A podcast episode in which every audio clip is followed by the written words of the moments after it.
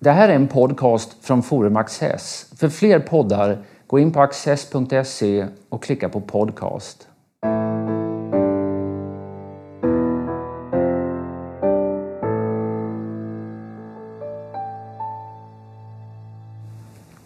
Välkomna till Studio Access. Idag ska vi prata ideologi och till och med överideologi. Och det ska vi göra tillsammans med Torbjörn Elensky som är författare och eh, kulturskribent eh, som ägnar sig ganska mycket åt idédebatten och eh, föreställningarna som styr våra ställningstaganden.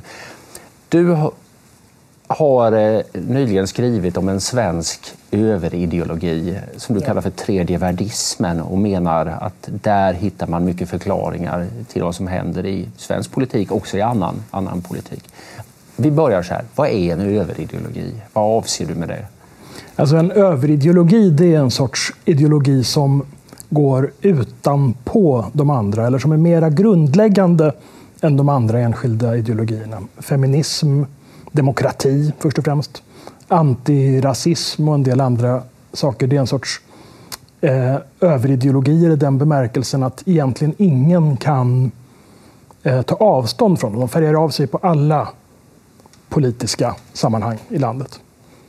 Så liksom för att vara en respekterad deltagare i det offentliga samtalet så måste man omfatta det här och det är ja, mer eller så mindre. självklart att man inte ens tänker på det. Så att säga. Framförallt är det just så att det är så självklart många gånger att man inte ens tänker på det. Och det gäller ju specifikt den här tredjevärdismen.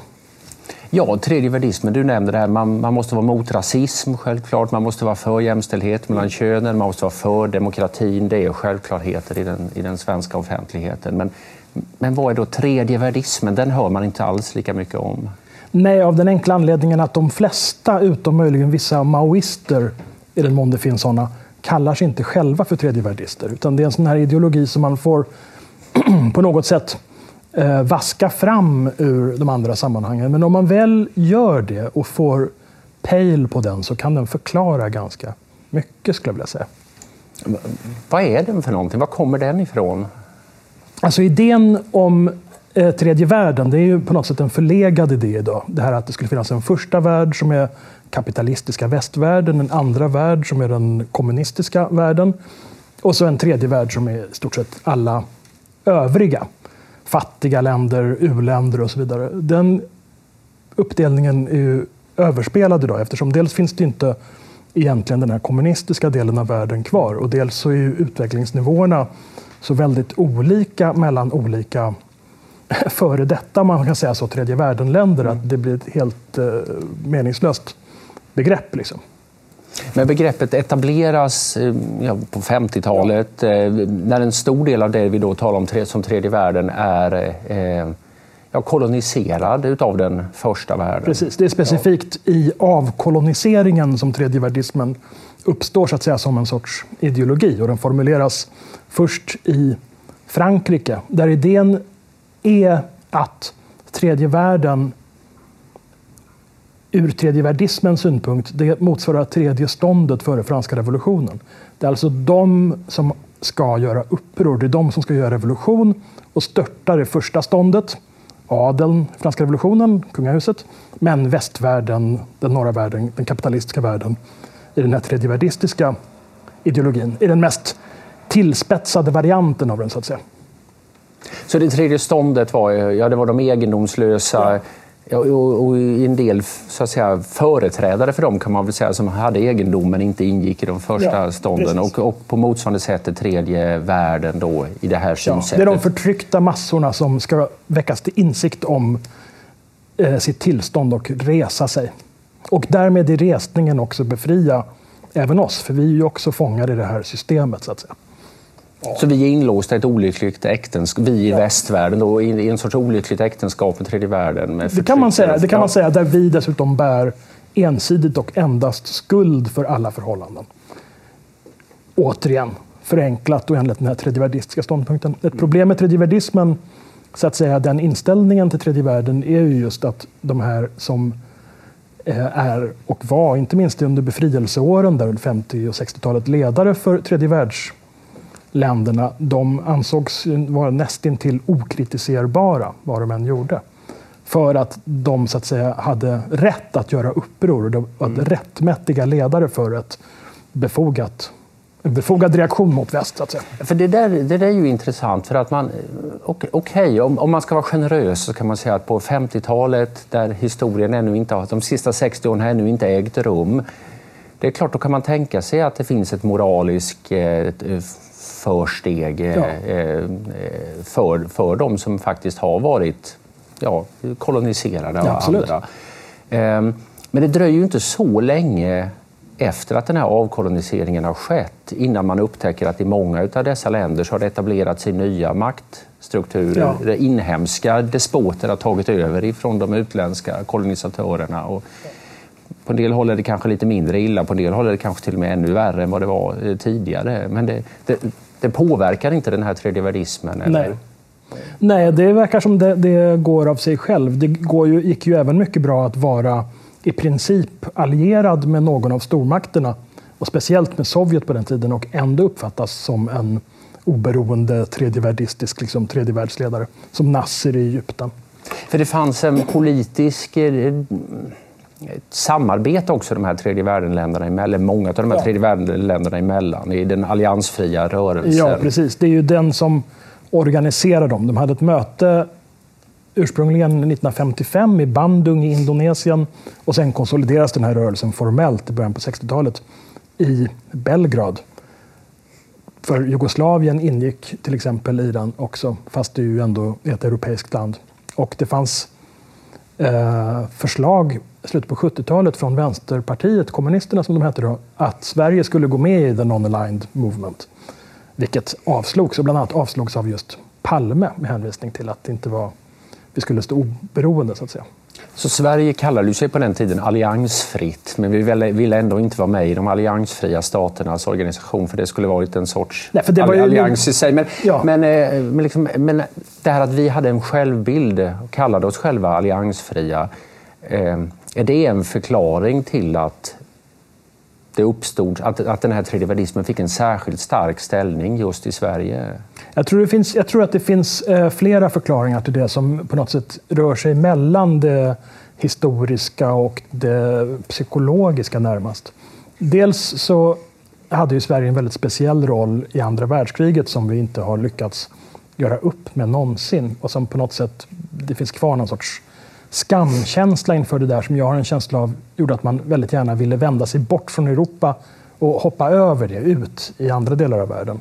Sen under kolonialväldernas avvecklande på 50 början på 60-talet så hade vi en svensk generalsekreterare i FN under många år, Dag Hammarskjöld, som fick en väldigt viktig symbolisk roll för att befästa det här eh, svenska speciella förhållandet till tredje världen och de koloniserade länderna och frigörelseprocessen. Som sen blir så att säga, bekräftad och befäst under Palmes tid. Mm. För Palme var ju personligen nära vän med flera av ledarna i tredje världen och han var mycket aktiv så att säga som Sverige var observatör på Non-Aligned Movements, den alliansfria rörelsens möten och Palme var mycket aktiv och betraktades nog, får jag säga, delvis som en sorts informell ledargestalt där, fast vi aldrig var med och han själv vände sig emot ett medlemskap. så att säga.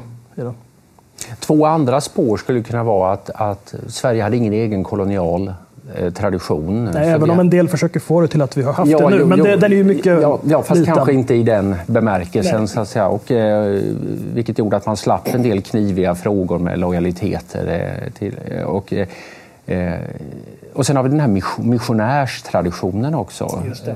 Där ju det här att, eh, att vara ute och hjälpa ja. personer som man uppfattar som svaga och i starkt behov av hjälp också färgar in det hela. Det kanske var en bidragande faktor till att stora delar även av den svenska borgerligheten, som ju då kanske man kan tycka skulle vara mindre trakterad av ett världsrevolutionärt ja. tema, ändå på något sätt underordnade sig den här överideologin. Ja. För, för så förstår jag att du menar liksom att i, i stort sett Absolut, hela det svenska den spektret... Genomsyrar, ja, jag tycker ja. nog att den genomsyrar i stort sett hela det svenska spektret, utom kanske vissa moderater periodvis. Liksom. Men annars så är det en sorts uh, tredjevärldism som gäller.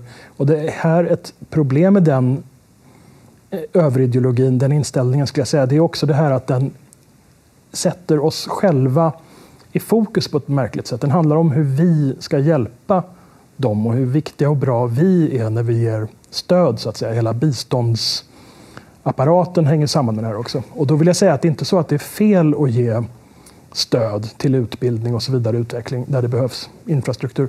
Men det är någonting märkligt med det här eh, tredjevärdistiska i det där sammanhanget som gör att det blir det finns ett narcissistiskt drag i det. Det handlar väldigt mycket om vi.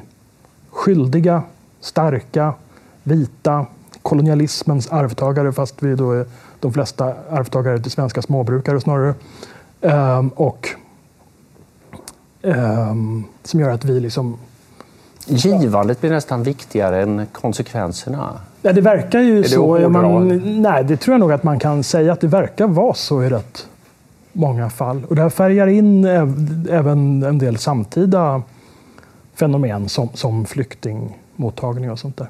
Där man är väldigt angelägen om att vara god, tänka rätt, känna rätt. Istället för att vara också kanske ibland lite kylig eller saklig och ta ett steg tillbaka och bedöma de verkliga behoven och de förhållanden som råder, så att säga, vad som är eh, rimligt. Och då menar jag att det här, det här påverkas också av den här tredjevärdismen som överideologi. Liksom dessutom en sån märklig sak som inställningen till eh, förorter. Att det är problemförorter och såna här områden och sånt där. Det finns en inställning även till dem som är infärgad av tredjevärdismen skulle jag säga som också är egentligen så det har inte den tredje världen att göra, men det är samma böjningsmönster? Ja, det är samma typ av böjningsmönster skulle jag säga, som, som, som går igen där. Ja. Men återigen, det är, alltid, det är svårt med en sån här överideologi, som jag kallar det för, som egentligen aldrig eh, artikuleras av de som är delar av den. Dels för att de inte kanske är medvetna om den själva, eh, och dels för att eh, ja, den, den, är så, den är så självklar och så man är så van vid den att man inte riktigt inser hur den påverkar en. Det är som den svenska protestantiska traditionen mm. som påverkar hur svenskar tänker fortfarande fast de flesta inte är troende och bryr sig men, men de, man är liksom här ändå infärgad av en, en protestantisk, verkligen superöverideologi som mm. är svår att få grepp om för att folk inte själva är medvetna om den. Men menar du att man kan säga, alltså det, den här tredje värdismens rötter, då, det, det fanns ju tänkare på 50-talet ja. inte minst, liksom, eh, flera franska, Frans ja. Fanon, Jean-Paul Sartre som var drivande och formulerade de här idéerna. Och sen, ja, de plockas upp och transformeras. Men är det så att det liksom deras tankar blir svensk politik 10, ja, 20 år senare? De, de, delvis eh, så kan de nog bli det och inte minst då i de här senare varianterna när det här kommer till oss i en ny omgång nu genom postkoloniala studier och sånt, men via amerikanska läsningar. Men då är vi framme i vår tid nästan. Ja, fast det, ja. Det, det, det, ändras inte särskilt mycket skulle jag säga i den här grunden. Även om det kan bli liksom, ske en del eh, ytliga sådär, fluktuationer liksom, så är själva den här grund, tredjevärdistiska grundinställningen är väldigt, väldigt stabil. Och också just för att den du nämnde, missionärerna, den går tillbaka på ännu äldre tankemönster så att säga. Och en ännu äldre syn på oss som, och vår roll i världen. I Sverige specifikt, men sen mer allmänt liksom i väst eller norra hemisfären. Liksom. Den vite mannens börda 2.0 är det här. Det är vi, tredjevärdismen. Alltså en sorts självspäkning? Man... Ja, självspäkning och självförhärligande på en och samma gång. För det är uppenbart nu alltså att de tredje världen-länder som före detta tredje världen får jag väl säga, som klarar sig bäst och där det sker någon sorts utveckling, de har ju i själva verket gjort sig fria från den här typen av olika typer av socialistiska experiment och så som var väldigt poppis på den tiden Sverige var ännu mer aktivt under palmåren till exempel. Indien hade svältkatastrofer ännu på 70-talet. Idag har de en sorts, det finns fortfarande mycket fattigdom och många problem i Indien, men idag har de ändå en blomstrande industri och antas gå om Kina i tillväxtsiffror och sånt där. För det är klart att nu har det gått 60 år sedan eh, mitten av 50-talet ja. och, och, eh, och det finns, om inte ett facit, så finns i alla fall delresultat och eh, delrapporter och precis som du säger så ser vi ju att det är det är inte länderna som satsade på liksom, planekonomi och, eh, och revolutionsromantik som det har gått bra för utan det är tvärtom liksom de som har gnetat på i, med, ja. och, och, försökt skaffa sig kapitalistiska och demokratiska institutioner. Ja. Men har inte den erfarenheten rått på den här tredje världismen? Alltså, eh, grejen med det, för att kunna rå på tredjevärdismen som på något sätt mindset här så tror jag att det är viktigt att den formuleras och kommer upp till ytan just. Det går inte att bearbeta det om det ligger under där eller om det är som en övrig ideologi i bakgrunden. Det måste, det måste upp och det måste formuleras. Jag måste se varför Sverige har agerat så där. Vad är egentligen grunden för den här inställningen? Vad har den i praktiken inneburit och så vidare. På så sätt kan man liksom bearbeta det. Men så länge det ligger i bakgrunden så kan um, till exempel Margot Wallström nu åka runt och uttryckligen säga när hon deltar i ett möte som hon gjorde i fjol i Bandung just i Indonesien, uttryckligen hänvisa till att hon reser i Palmes fotspår och få applåder för det och så vidare. Men det är ju symboliskt och ytligt. Det blir lite paradoxalt. Det är någonting som ligger djupt men som samtidigt är ytligt. Det handlar om symbolgester och eh, retorik så att säga. För jag menar, Indonesien är ju ett land som knappast bryr sig särskilt mycket om Sveriges inställning skulle jag tro överhuvudtaget. Men det rör vid någon sträng på något sätt. Är, författaren Per Svensson skrev någonstans att, det här, att alla klagar på vulgärmaterialismen. Jag är mycket mer oroad över vulgäridealismen. Ja. Det här att folk inte bryr sig om faktiska förhållanden utan att det är bara idéer och föreställningar ja, ja, Som, och narcissistiska. Som, som gäller. Eh, men, men eh, uppenbarligen har den här ideologin ändå lyckats eh, skapa även politik, men, men behöver då bemötas. Vem, vem, vem, har gjort det på något intressant sätt? Bemött den? Ja. ja i, i, Sverige är det väl inte... Jag känner inte till att det har skett så himla mycket. Det har varit mera utpräglat i så fall, till exempel i Frankrike. Väldigt mycket av den här idédebatten har att göra med eller har ju förts i Frankrike också mycket tidigare. Pascal Bruckner skrev om det här i början på 80-talet redan. Eh, jag vet inte om det fick någon sorts återklang i Sverige då. Jag har inte en känsla av att det har gett några djupare spår i alla fall. Mm. Här finns ett introduktionsjobb att göra för, för någon som vill så att säga, nyansera den här, den här diskussionen. Absolut, och det är, ju, det är ju det speciella. Jag är ju då författare och kan kosta på mig att ta ut svängarna. Men det vore ju verkligen intressant om eh, historiker och statsvetare lite mer systematiskt skulle ta i det här och se vad som finns i det det här, en upp, uppmaning. Se vad, vad som, vad, hur egentligen det här fungerar och hur har glappet varit mellan retorik och praktik och så vidare. Fram och tillbaka. Men hur... Eh, jag antar att en invändning eh, här skulle kunna vara att ja, det fanns mycket sådana här eh, föreställningar och eh, på 60 och 70-talen och vänstervågen svallade högt och sånt där. Men sen, sen blev vi mycket mer intresserade av marknader och, och EU-medlemskapet blev en stor fråga i den svenska utrikespolitiken. Vill du ändå påstå att den här tredje värdismen under hela den här långa perioden har varit en överideologi? Ja, det skulle jag absolut påstå att den har varit. Sen har den kanske varit eh, lite försvagad periodvis. Just under tiden efter murens fall och då så var vi ju kanske mera inställda på Europa och sen med EU-medlemskap och sånt där. Så jag tror att både under Bildt och Göran Persson då så fanns det ett större intresse av att Sverige skulle engagera sig i närområdet, liksom, när de baltiska staterna blev fria och så vidare. Men, men på något sätt så är det ändå som att det här lever kvar. Att det, en sån som vår nuvarande utrikesminister så självklart kan hänvisa till idéer som hänger ihop med det här idag eh, tycker jag visar att nej, den har kanske gått ner lite grann sådär, men det, det finns kvar hela tiden när hon ska eh, styrka att Sverige har den här progressiva eller förment progressiva hållningen, då är ju ett av hennes argument är att vi minsann går i bräschen för erkännandet av Palestina. Ja.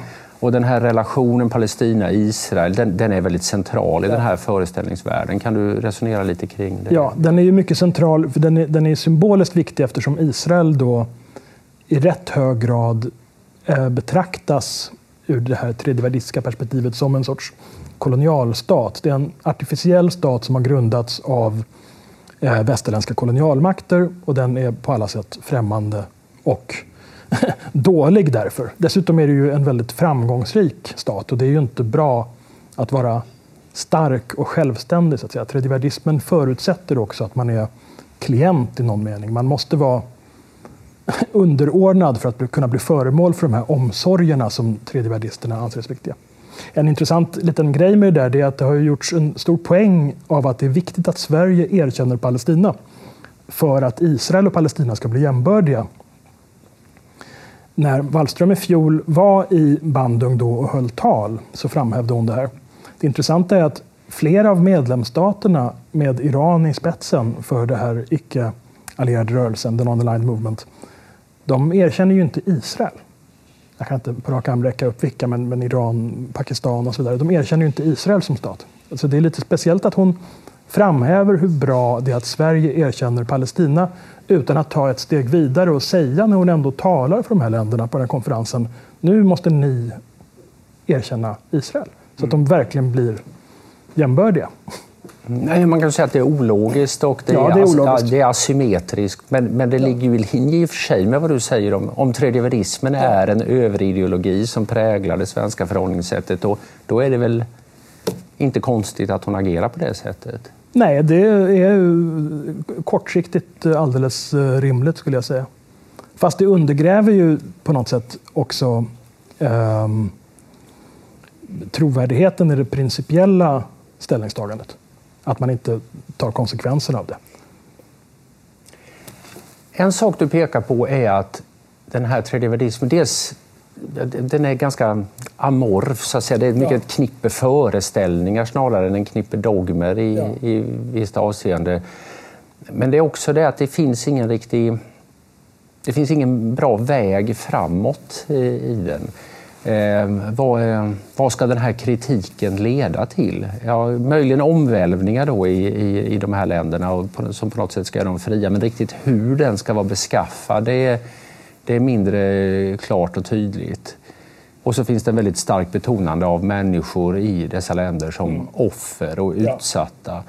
Vilket samtidigt är lite motsägelsefullt för att ju, man har ju en sorts underförstådd hierarki mellan olika offer också där man engagerar sig mer för vissa offer än för andra. Och de offer, exempelvis kristna i Mellanöstern, väcker uppenbarligen mindre medlidande än, än andra grupper.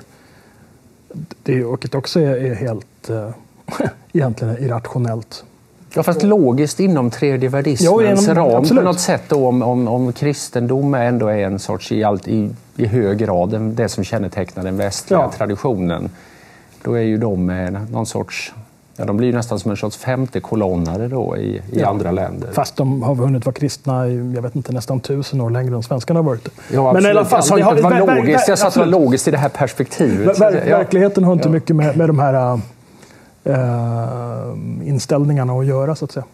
Men man får, man får en märklig, den här offertanken plus samtidigt som den här gruppen då ska vara någon sorts avantgarde som ska befria, ja, inte bara sig själva utan ja, oss också på något ja. sätt, lösa oss ur det här tvångsäktenskapet. Ja. Det är väl paradox i detta?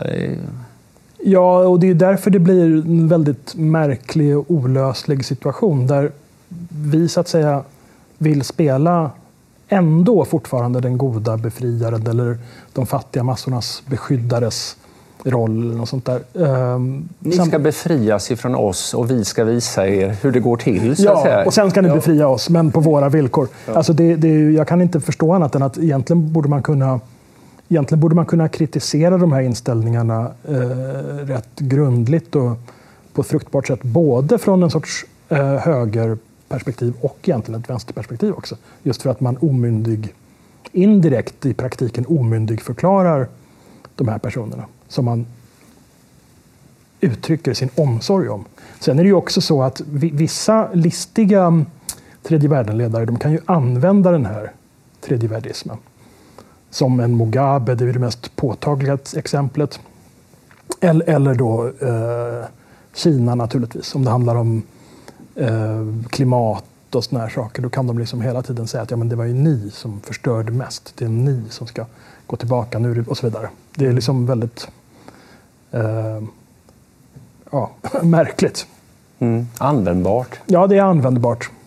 Och det, och det är också, jag menar, om det nu är som jag menar, att det här går så djupt och så långt tillbaka, då är det, så att säga, det är en grundinställning, skulle jag säga, som på något sätt i grunden är kristen nästan. Det är vi. Vi har skuld. Vi har ansvar. Vi måste göra bot. Det är en kristen inställning som går tillbaka ytterligare, om man så vill, till, till antiken nästan, när guldåldersmyter. Det finns liksom en värld där allt är bra. Och den världen var framförallt bra innan väst kom. Världen var god, sen kom den västerländska imperialismen och allt blev dåligt. Ja, men då blir det ingen liten uppgift. Då räcker Nej, det inte att introducera det... några kritiker av tredje världismen utan då är det liksom en, en, en, mycket större, nästan existentiell fråga kring detta. Men är dessa tankar lika dominerande i andra västländer? Alltså I varierande i grad. Jag tror att det, det, det, finns eh, absolut drag av det här i USA naturligtvis. Och i England som ju verkligen var en imperiemakt dessutom. De har ju, och Frankrike. Fast jag verkligen inte för att jag har följt italiensk debatt i detalj så där mycket, men jag har ingen känsla av att det finns någon sån skuld där som de känner. Och det gäller väl många andra europeiska länder. Väldigt många länder är ju snarare angelägna om att framhäva hur utsatta de själva har varit av alla, på alla möjliga sätt för, för andra europeiska då länders imperialism och så vidare. Och allting. Sen är det, jag har överhuvudtaget problem med den här det, det som hänger ihop med den här tredje världismen idag, det är ju den här koloniala arvsskulden. Där man nu även i Sverige anses ha tungt ansvar för slavhandeln, den transatlantiska slavhandeln. Det var ju ett avskyvärt politiskt skeende och Sverige sålde väl järn som användes till kättingar och så vidare. Det är hemskt. Fast jag vill bara inflika här att det, det, det, är på något sätt lite grandiost att vilja nu, idag, flera hundra år senare, ta på sig skuld för det här som svensk. För de flesta, som jag sa tidigare, de flesta svenskar är ju faktiskt inte ättlingar till, till brukspatroner utan till småbönder mm. och fiskare och folk som absolut inte har eh, tjänat sådär jättemycket på kolonialism och sånt där. Mm. Mer än möjligen när man fick socker till kaffet och så småningom. Fast det paradoxala är väl på något sätt här att det är, det är skulden man är ute efter. Ja, det, är en, det är inte skuldfriheten nej. utan skulden man söker. En mystisk njutning i det där, tror jag. Plus narcissism. Man är själv i centrum ändå. Om man är ansvarig är man själv i centrum. Ja, Torbjörn Lenski, det finns mycket att fundera på kring detta. Ja. Eh, det är ett stort ämne. Ehm, men det har varit mycket intressant att resonera med dig om det. Vår tid är tyvärr ute, men du ska ha stort tack för att du har varit tack med oss. Tack för att jag fick komma. Det var väldigt roligt. Och tack för att ni har tittat.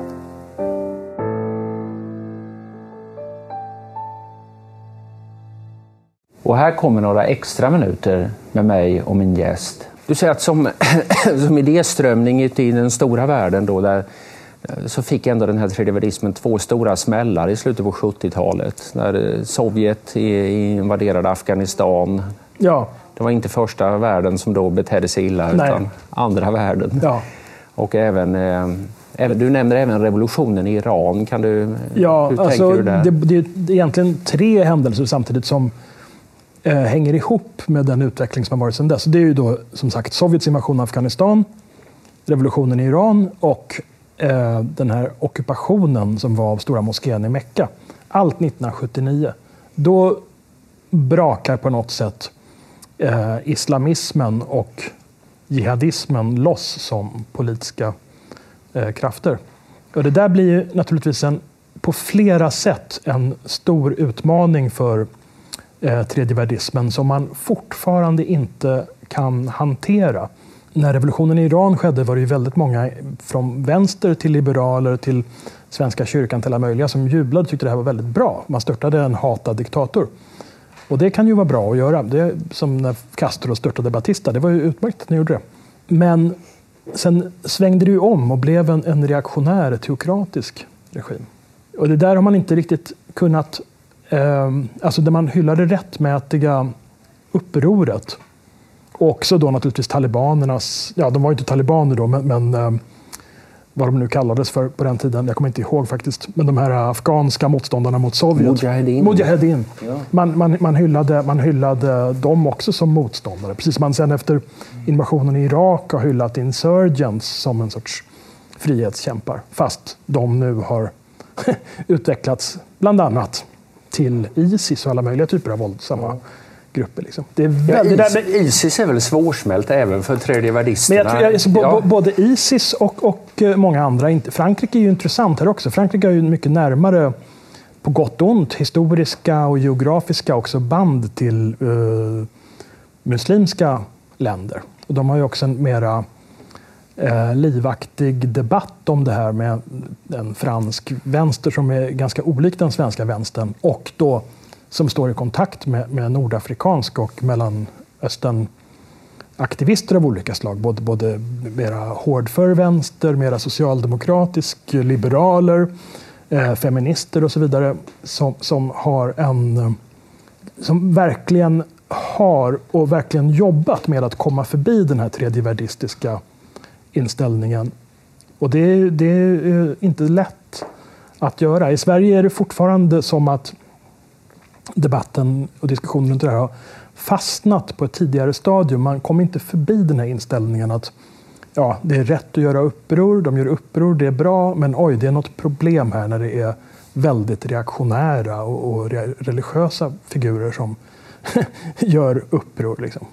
Eh, hur ska man till exempel hantera det här som i Egypten, den arabiska våren och så vidare. Det, det är något mycket Nej, men den här upplysningsidealet och, och längtan efter befrielse har ju nu på något märkligt sätt hos en del eh, aktörer i debatten transformerats till en väldigt obenägenhet att vara så att säga, illojal mot de som har gjort det här ja. eh, upproret trots att det visade sig att befrielsen inte ledde till någon frihet överhuvudtaget ja. utan kanske till och med till motsatsen. Ja. Jag vet inte. Det, det, det, det, stora, det, det, det, är, stort, det är ett stort och väldigt intressant ämne. Oh ja. det, väcker mycket tankar. En tanke tycker jag är det här med USAs roll i detta. När, när allt det här börjar på 50-talet, ja. då är ju ett av USAs besked till västländerna efter andra världskriget är ju att okej, okay, nu tar ni och avvecklar era kolonier. Det här är ett gammaldags sätt ja. att, att, eh, agera på. Det, det, är inte acceptabelt. Så USA är en kraft för avkolonisation. Men det dröjer inte så lång tid så att säga, innan det här så att säga, tredje världismens eh, bête noire, den verkligt stora ja. fienden, det upphör ju att vara Frankrike och ja. Storbritannien. Ja, Storbritannien kanske lite längre, men det upphör att vara eh, flera av de gamla kolonialmakterna. Ja. Det blir USA istället som aldrig ja. har haft några kolonier. Nej, inte i den bemärkelsen. Fast USA betraktas ju... Ja, nej, men, det var väl att ta i, men, men eh, som inte har sett som en nej, men, traditionell nej, men, kolonialmakt. Absolut, absolut. absolut. Men det, det alltså USA, eftersom USA är ledare för den kapitalistiska världen och kapitalismen ses som en så att säga, fortsättning på kolonialismen, ironiskt nog. Kolonialismen var inte dess högsta stadium tydligen, utan det, var, det är så att säga den efterkoloniala världen och den ekonomiska ordning som råder då som är så att säga det verkligt ondskefulla kulmen på kapitalismen, antar jag. Jag vet inte. Det gör ju att på något sätt vreden vänds mot USA Mm. Logiken skulle då på något sätt vara att de här befriarna som sen inte blev några eh, demokrater eller frihetsvänner det var rätt av dem att göra uppror. Mm. Nu gör de i och för sig fel när de ja. inte inför demokrati och misshandlar sin egen befolkning. Men de är ändå mot USA och, ja. och Israel och det är det försonande draget Absolut. på något sätt. Man kunde väl väldigt länge ja. rationalisera också det här med demokrati och anse att ja, men de gör det i sin takt, de gör det på sitt sätt. Mm, mm. Man bygger demokratin liksom utifrån andra förutsättningar och på andra villkor. Um, jag tror den typen av, av bortförklaringar kunde hölls levande väldigt länge även här. Som till exempel just när Palme uttalar sig om Kuba. Mm, att de mm. bygger demokratin där och det var precis under det som de kallade för El Quinquenio Gris, de 15 grå åren då, då var som, fånglägren var som allra störst. Mm. Och folk mm. var som allra ivrigast att fly därifrån. Mm. Med Och ursäkterna finns, och det är ju rätt länge sedan nu, men ursäkterna ja. finns kvar än idag. Så att säga. Det, ja, det jag skulle ju... nog vilja säga det. Ja, jag tycker liksom man kan naturligtvis vara kritisk mot Israel, men proportionerna i den mängd kritik som riktas mot Israel kontra eh, ja. andra länder i, till, i samma region eh, vi, visar ju till exempel att här finns en, en ideologi som ja. Alltså man kan ju, jag, jag minns när den här arabiska våren började så var det flera som jublade och naturligtvis tyckte det var bra. Och det är många, jag tyckte också att det är bra att folk försöker kasta av sig märkliga förtryckande regimer. Sen är det inte så lätt att få sånt där att fungera. Jag vet att väldigt många då, som jag uppfattade det, uttryckte en önskan om att åh, nu är det Jordaniens tur. För att Jordanien är ju västvänligt. Mm, mm. Ingen som hoppades att Syrien skulle åka dit, som ändå har varit under alla dessa år, i nästan 50 år. Jag kommer inte ihåg vilket år Hafez Assad dog makten, men det är väl slutet på 60 på 70-talet, verkligen under kulmen av det här, det här den tredjevärldismvågen. Liksom. Eh, men eh, ingen som tyckte att det där var allvarligt, Syrien. Och sen exploderade Syrien. Medan Jordanien då trots allt, med monarki och allt, verkar som de på något sätt håller ställningarna och vare sig för extrema åt det ena eller andra hållet. Vi får se hur det går. Men just, just Syrien är ju, eftersom det är så aktuellt nu, det är ett intressant exempel. Man skulle kunna göra någon sorts eh, presshistorisk närmast genomgång. Under de senaste åren, sen säg 1970 till 2015, vad skrevs om Syrien i svensk press? Mm. Samtidigt som det pågick eh, tortyr, fängslande av oppositionella, massakrer och så vidare. Massor om Chile, mycket bra. Massor om apartheid, alldeles lysande. Syrien, helt i total skugga. Mm. Och det kan delvis ha att göra med Ja, jag tror att man, för att, för att just de här bat... Tredjevärldistiska överideologin. Ja, det tror jag eftersom de, den hänger så nära samman med den här icke-allierade rörelsen. Och då på sätt och vis också med de här arabnationalistiska rörelserna. Motståndet mot alltså palestinska frihetsrörelsen men också det här arvet efter eh, Nasser, mm. inte minst, som Assad tillhör de som tog över sen och även senare Saddam Hussein. Alla de här är ju Baath-partister. Mm. Som stod upp mot väst. Stod upp mot väst, absolut. Ja. Mm. Bra. Stort tack Torbjörn. Tackar.